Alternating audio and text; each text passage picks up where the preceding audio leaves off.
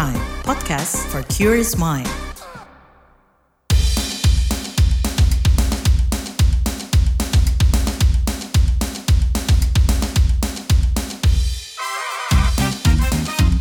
What's Trending KBR Pagi, siaran pagi radio paling update. KBR Pagi, siaran pagi radio paling update. Selamat pagi, apa kabar kalian semuanya di hari Rabu 22 Juli 2023. Kembali lagi saya Don Brady menjadi teman pagi hari kalian semuanya di What's Trending KBR Pagi pastinya. Jadi Dewan Perwakilan Rakyat atau DPR RI itu resmi mengesahkan RUU Kesehatan menjadi undang-undang. Pengesahan dipimpin oleh Ketua DPR RI Puan Maharani pada 11 Juli 2023. Pengesahan Undang-Undang Kesehatan ini nggak lepas dari protes dari kelompok masyarakat maupun sebagian tenaga kesehatan. Salah satu alasan protes yang mencuat adalah terkait hilangnya pasal soal mandatory spending atau pengeluaran negara yang sudah diatur oleh undang-undang. Hilangnya mandatory spending kesehatan sebesar 10% dalam APBN dan APBD dianggap berpotensi membatasi pengelolaan keuangan negara. Center for Indonesia Strategic Development Initiative atau CISDI menilai mandatory spending ini penting lantaran anggaran ini mempermudah akses layanan kesehatan bagi masyarakat. Malahan penganggaran kesehatan di Indonesia masih dinilai kecil oleh CISDI karena sampai hari ini masyarakat masih harus merogoh koceknya sendiri untuk pengobatan atau akses pengobatan. Tapi nih kalau kata DPR, Undang-Undang Kesehatan sudah mengikuti perkembangan zaman dan kebutuhan kesehatan yang ada. Nah, kita bakal bahas masalah mandatory spending setelah RUU Kesehatan disahkan, tapi kita dengarkan dulu komentar netizen plus 62 berikut ini.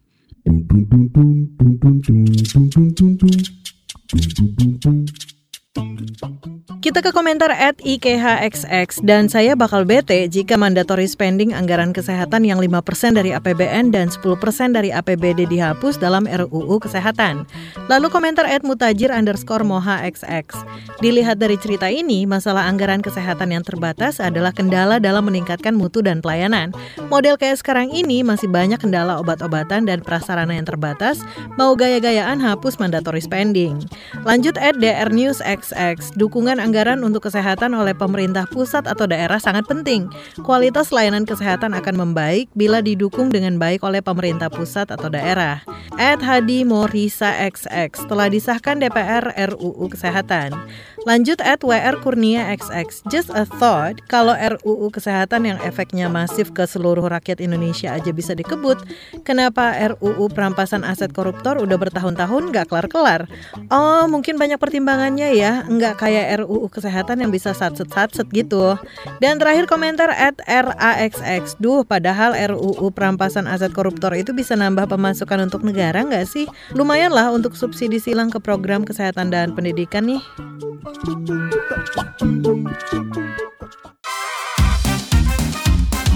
Trending KBR Pagi, siaran pagi radio paling update. Kita lanjutkan obrolan kita pagi ini. Jadi Kepala Pusat Kebijakan Pembiayaan dan Desentralisasi Kesehatan Kemenkes, Yuli Varianti, menjelaskan penggunaan anggaran kesehatan selama ini kurang tepat dan maksimal. Yuli mengklaim RUU Kesehatan ini menjadi salah satu tempat untuk memperbaiki penanganan masalah kesehatan di Indonesia dengan memaksimalkan penggunaan anggaran, lantaran mandatory spending dianggap kurang efektif.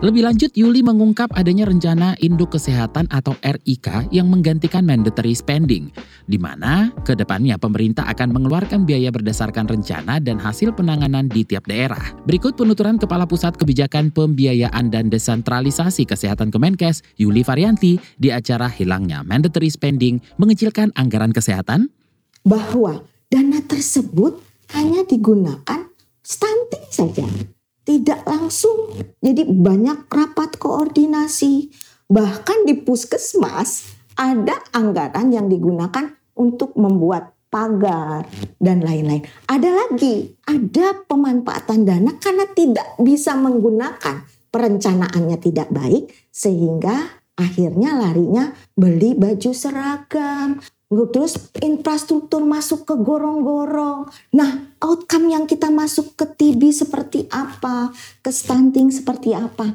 ini yang nanti kita harus koreksi. Jadi artinya bahwa dengan kita mandatory spending pun hasilnya belum efektif. Nah, perlu ada satu inovasi dan satu terobosan dalam rangka mari kita lakukan sesuai dengan performance base-nya, yaitu pemanggaran berbasis kinerja. Itu sehingga nanti ke depan ini yang harus kita koreksi bahwa nanti kita akan susun rencananya dulu yang disebut rencana induk kesehatan yang rencana induk kesehatan ini nanti setiap tahunnya akan dibahas juga dengan DPR dan kemudian penganggarannya nanti berbasis input, output, outcome berdasarkan rencana induk pembangunan kesehatan yang menjadi acuan kita gitu. Nanti bisa terjadi, bisa terjadi saat ini pun tahun 2023 berdasarkan data nasional account kita bisa lihat bahwa belanja pusat sudah di atas 5%. Posisinya berada di 9,2 persen. Nah, kalau kita lanjutkan dengan rencana induk kesehatan, maka hasil yang diharapkan akan menjadi maksimal kendaraan pendanaan adalah satu mesin di mana transformasi ini akan jalan. Bahwa dengan tidak dilakukan mandatory spending tersebut, kita tidak perlu khawatir bahwa dalam inovasi tersebut kita akan menyusun. Jadi kemarin kan dikasih anggaran dulu, programnya belakangan. Bingung nih, nyari-nyari. Akhirnya dia pakai buat gorong-gorong, buat seragam, buat ini, nah gitu kan. boleh, nah ya, sekarang iya. kita pakemkan rencana induk kesehatan, Kesehatan. sebagai acuan dalam menuju transformasi kesehatan yang kita akan lakukan mulai dari transformasi primer sampai dengan digital itu apa yang perlu kita lakukan RIK-nya itu harus dibuat secara clear yang menjadi acuan pusat dan daerah. Yang nanti rencana ini akan dibahas oleh DPR gitu loh. Dibahas DPR, oke tidak. Nah inilah yang saya bilang bahwa performance based budgeting. Jadi berdasarkan kinerja. Kita siapkan input, output, outcome-nya itulah target yang akan kita lakukan. Uangnya berapa? Jadi rencananya dulu baru uang. Uang sesuaikan dengan kebutuhan. Jadi daerah justru disparitasnya tidak akan terjadi gitu. Tapi nih pengesahan RUU Kesehatan nih nggak lepas dari pro dan kontra ya di kalangan legislatif sendiri. Sebut saja anggota Komisi Kesehatan DPR dari fraksi PKS Neti Prasetyani yang menentang penghilangan mandatory spending dalam anggaran belanja kesehatan. Neti menganggap ini sebagai salah satu bentuk kepastian bahwa negara hadir untuk menjamin ketahanan kesehatan. Maka yang menjadi kegundahan saya secara pribadi ternyata pemerintah tidak menghendaki disebutnya mandatory spending dalam anggaran belanja kesehatan. Padahal ketika kita melewati masa pandemi, kita menyadari sepenuhnya tantangan pembangunan ketahanan kesehatan nasional kita amat sangat berat. Mulai dari sarana prasarana rumah sakit, kemudian kekurangan tenaga kesehatan, tenaga medis, dan juga pemerataannya di seluruh wilayah Indonesia, maka nampaknya agak sulit kalau kemudian kita memaksakan RUU Omnibus Law Kesehatan ini tanpa menyebutkan angka sebagai mandatory spending, sebagai ruh, sebagai bagian penting dari RUU Omnibus Law Kesehatan. Ini adalah jaminan dan sebagai sebuah bentuk kepastian bahwa negara hadir untuk menjamin ketahanan kesehatan nasional dan mewujudkan kesejahteraan rakyat Indonesia melalui kesehatan kita. Nah, kalau Wakil Ketua Komisi Kesehatan DPR RI dari fraksi Golongan Karya, Emmanuel Melkiadis Lakalena, justru menganggap anggaran program prioritas kesehatan tetap bisa dimaksimalkan tanpa mandatory spending. Gimana? Berikut penuturannya. Kalau kita lihat di undang-undang ini memang tidak menyebutkan angka 5% kah atau 10% misalnya. Yang kalau kita lihat dari awal memang ini juga adalah ide dari DPR RI ya. Jadi DPR RI sebenarnya menyetujui soal ini. Nah dalam perjalanan kemudian pemerintah me memperlihatkan sebuah pola pengelolaan anggaran di sektor kesehatan yang itu tanpa harus menyebut angka, tapi dipastikan bahwa berbasiskan terhadap program-program prioritas nasional dan daerah itu bisa dikaitkan menjadi sebuah program yang kemudian disediakan anggarannya. Jadi eh, tentunya memang eh, di satu sisi kita lihat bahwa pemerintah dan DPR RI akhirnya tidak menyebutkan angka secara spesifik di undang ini, tapi kami eh, pastikan bahwa eh, spirit kita untuk memberikan anggaran dalam mendukung program-program nasional di bidang uh, kesehatan uh, baik di pusat dan juga sampai ke daerah itu menjadi kuat dalam undang-undang ini maupun penjelasannya. Jadi nanti kita akan membuat namanya rencana induk kesehatan nasional semacam itu yang akan dibahas antara pemerintah dan komisi terkait dengan kami komisi 9 dan nanti dengan Banggar. Yang nanti prinsipnya di situ adalah semua program yang memang kaitan itu dengan program nasional strategis di bidang kesehatan itu itu harus di, disiapkan anggaran. Newsbeat. Para peneliti di Jerman menobatkan Singapura sebagai negara terbaik di dunia. Negeri singa ini mengalahkan sejumlah negara seperti Australia, Denmark, dan Belanda. Gelar negara terbaik di dunia didapatkan Singapura lantaran negara ini dianggap sebagai negara yang eksklusif. Peneliti di Jerman menganggap tataran sosial dan politik di Singapura terkendali. Ilmuwan politik dari Julius Maximilians Universitas Wartburg Teresa Paula Stauski mengatakan negara tersebut mampu mengontrol wilayahnya dengan baik, baik dari segi pengelolaan penduduk hingga pemerintahannya.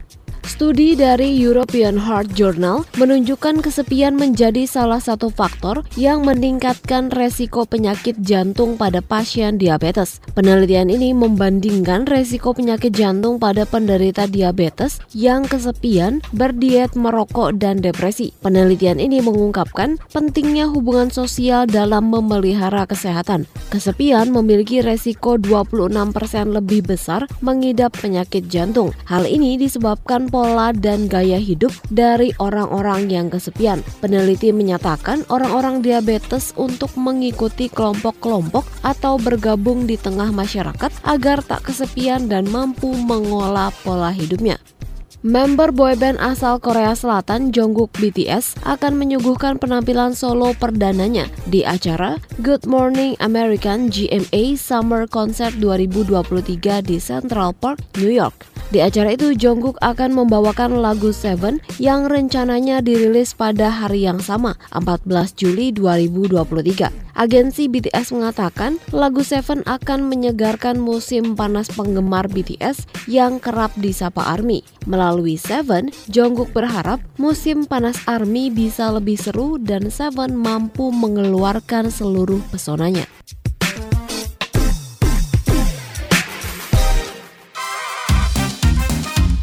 What's Trending KPR Pagi, siaran pagi radio paling update.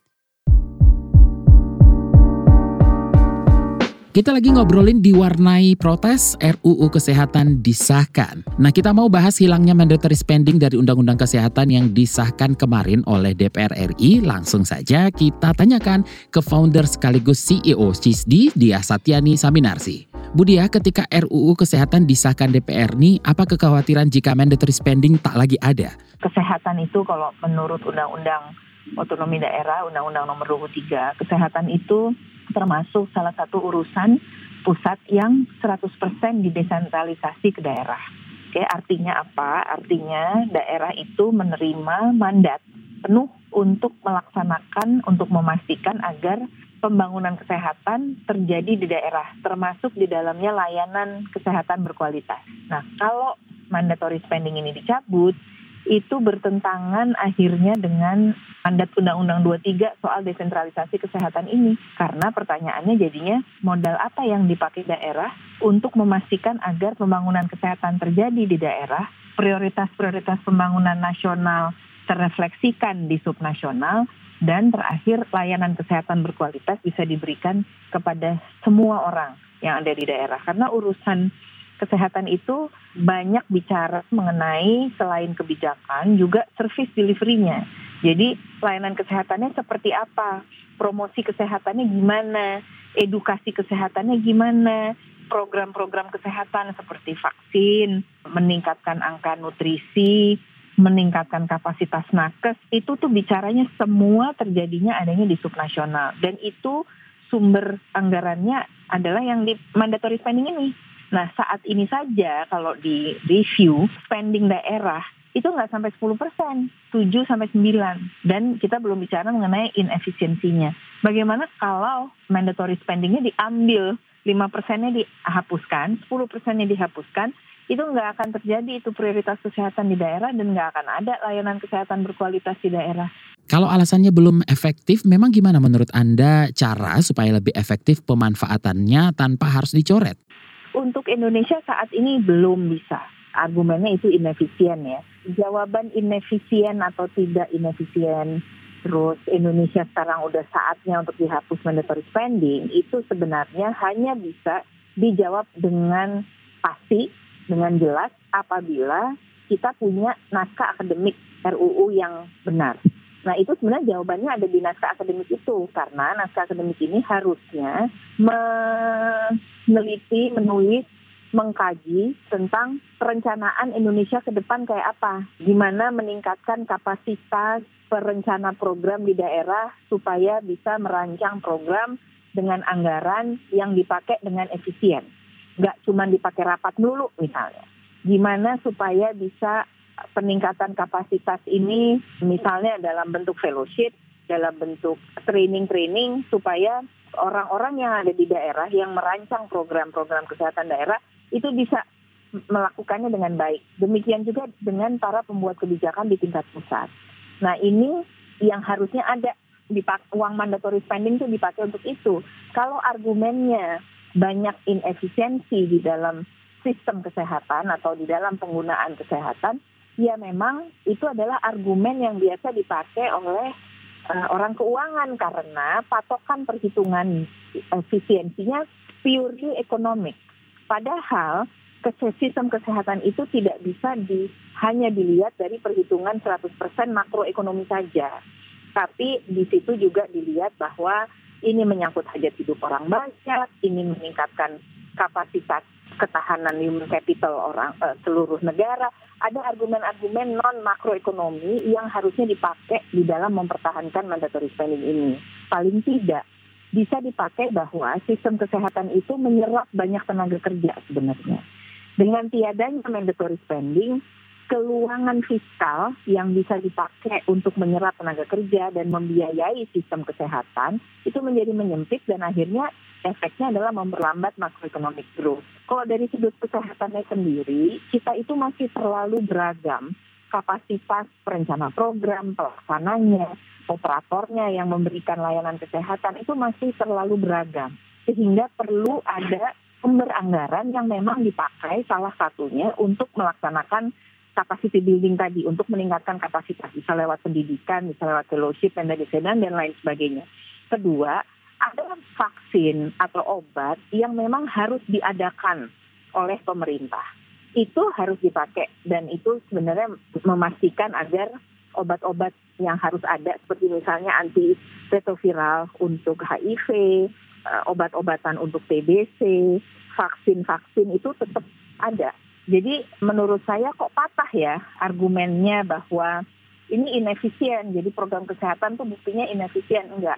Kalaupun pada akhirnya mau dihapus, taruhlah dalam 5 sampai 10 tahun depan misalnya cepat-cepatnya, sebenarnya ada mekanisme lain di antara yang bisa dipakai seperti misalnya hard earmark, soft earmark. Jadi oke, okay, ini tidak dihapus mandatory spending tapi di, dialokasikan sekian triliun misalnya hanya untuk peningkatan kapasitas kader kesehatan di 10 provinsi misalnya begitu. Hard earmark. Itu yang nanti ada yang kita bisa bilang namanya budget tagging. Atau kalau mau soft earmark itu sebenarnya juga bisa harusnya dipakai di layanan kesehatan primer di dalam ekosistem layanan kesehatan primer misalnya gitu. Oh jadi harus ada kajian atau penelitian ya Bu sebelum mandatory spending dihapus ya? Iya, harus ada landasan, harus ada evidence-nya. Scientific evidence harus jelas kenapa perlu dihapus sekarang dan itu harusnya dijawab di naskah akademik.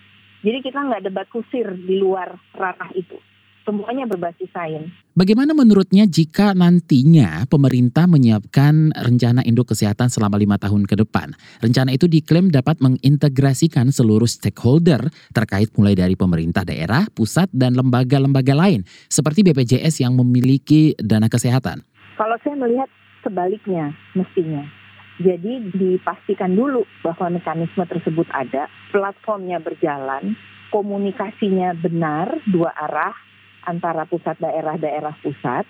Uh, forum itu bisa berjalan, dibikin dulu percobaannya, baru kemudian later on dihapus mandatory spending. Nggak mungkin bisa mandatory spendingnya dihapus dan kemudian oh nanti kita buat perencanaan nasional.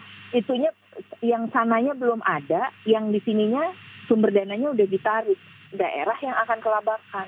Dan pertanyaan berikutnya adalah apakah pemerintah pusat dengan berapa ratus kabupaten kota saat ini yang ada, apakah bisa memastikan bahwa semua urusan kesehatan itu decentralized. Jadi perencanaan itu siapa yang akan menjadi clearing house-nya. Bagaimana mekanisme tata kelolanya di dalam rencana induk nasional ini. Siapa yang tugasnya memfed, memilih, memilah agar perencanaan setiap daerah benar. Dibagi berdasarkan apa? Perencanaan kayak apa? Itu kan ada ada detail-detail yang harus bisa dijawab dan harus diuji coba terlebih dahulu. Bukan mandatory spending yang dihapus.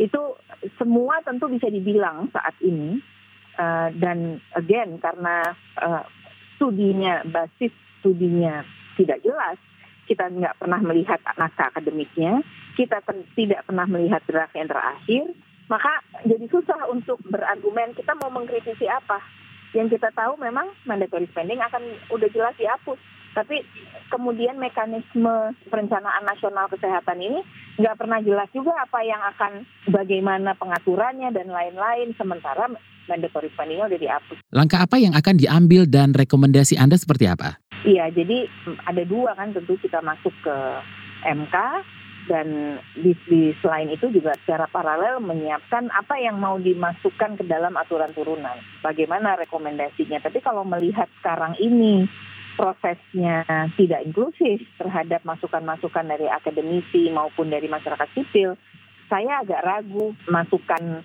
dari pihak lain untuk peraturan turunan itu akan bisa juga ditampung dan diakomodasi dengan baik. Tapi kami dari masyarakat sipil atas mungkin CISDI ya dalam hal ini saya tidak berbicara untuk masyarakat sipil secara luas, tapi setidaknya CISDI sudah mulai menyiapkan masukan-masukan untuk apa yang akan di kami kami sarankan untuk ke aturan turunannya nanti. Terima kasih founder sekaligus CEO CISDI, Dia Satyani Saminarsi.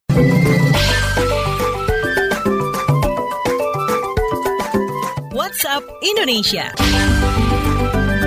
WhatsApp Indonesia kita mulai dari Jakarta. Maraknya kasus bullying yang muncul belakangan membuat Kementerian Pemberdayaan Perempuan dan Perlindungan Anak PPPA mendorong institusi pendidikan mengambil peran pencegahan perundungan. Hal ini bisa dilakukan dengan menerapkan Satuan Pendidikan Ramah Anak SRA. Asisten Deputi di Kemen PPPA Amur Wani Dwi Lestari Ningsih mengatakan pola pengasuhan anak dan penerapan sistem pembelajaran sangat penting untuk mencegah keberulangan kasus perundungan. Lantaran, seorang anak menghabiskan sebagian besar waktunya di sekolah. Setidaknya ada lima prinsip yang harus diterapkan sekolah, yaitu mewujudkan kepentingan terbaik anak, non-diskriminasi, mendorong kapasitas anak, memenuhi hak hidup, dan tata kelola yang baik. Selanjutnya menuju Jawa Tengah. Kapolsek Lasem AKP Arif Kristiawan mengungkapkan hasil penelusuran kasus teror pocong di desa Sumber Girang dan desa Jolotundo, Jawa Tengah. Berdasarkan penyelidikan pihak kepolisian, Arif memastikan video viral teror pocong adalah hoax atau berita bohong. Kesimpulan ini diambil setelah pihak kepolisian dan warga setempat melaksanakan patroli selama dua hari. Patroli ini dilakukan lantaran informasi soal kemunculan pocong yang viral itu berhasil meresahkan masyarakat setempat. Polisi juga memastikan tidak adanya lokasi yang identik dengan video di dua desa tersebut. Terakhir kita ke Sumatera Utara. Kementerian Koperasi dan UKM, Kemenkop UKM mendorong peningkatan kapasitas usaha mikro petani di Kabupaten Humbang Hasudutan, Sumatera Utara. Salah satu caranya dengan memberikan latihan vokasi untuk produk olahan durian. Pelatihan ini dianggap penting untuk meningkatkan produksi dan pengolahan hasil pertanian atau perkebunan di wilayah tersebut. Ketua Gabungan Kelompok Kabupaten Tani Humbang Hasudutan, Salmon Sihotang mengatakan, perubahan-perubahan pengelolaan hasil tani terus didorong sebab produk lokal seperti durian bisa ditambah nilainya dengan diolah. Meski begitu, Salmon Sihotang mengatakan selama ini mereka terkendala pelatihan dan pendidikan di lapangan sehingga mereka sulit mengembangkan produk-produk pertanian atau perkebunan di wilayah Humbang Hasudutan. Demikian WhatsApp Indonesia hari ini.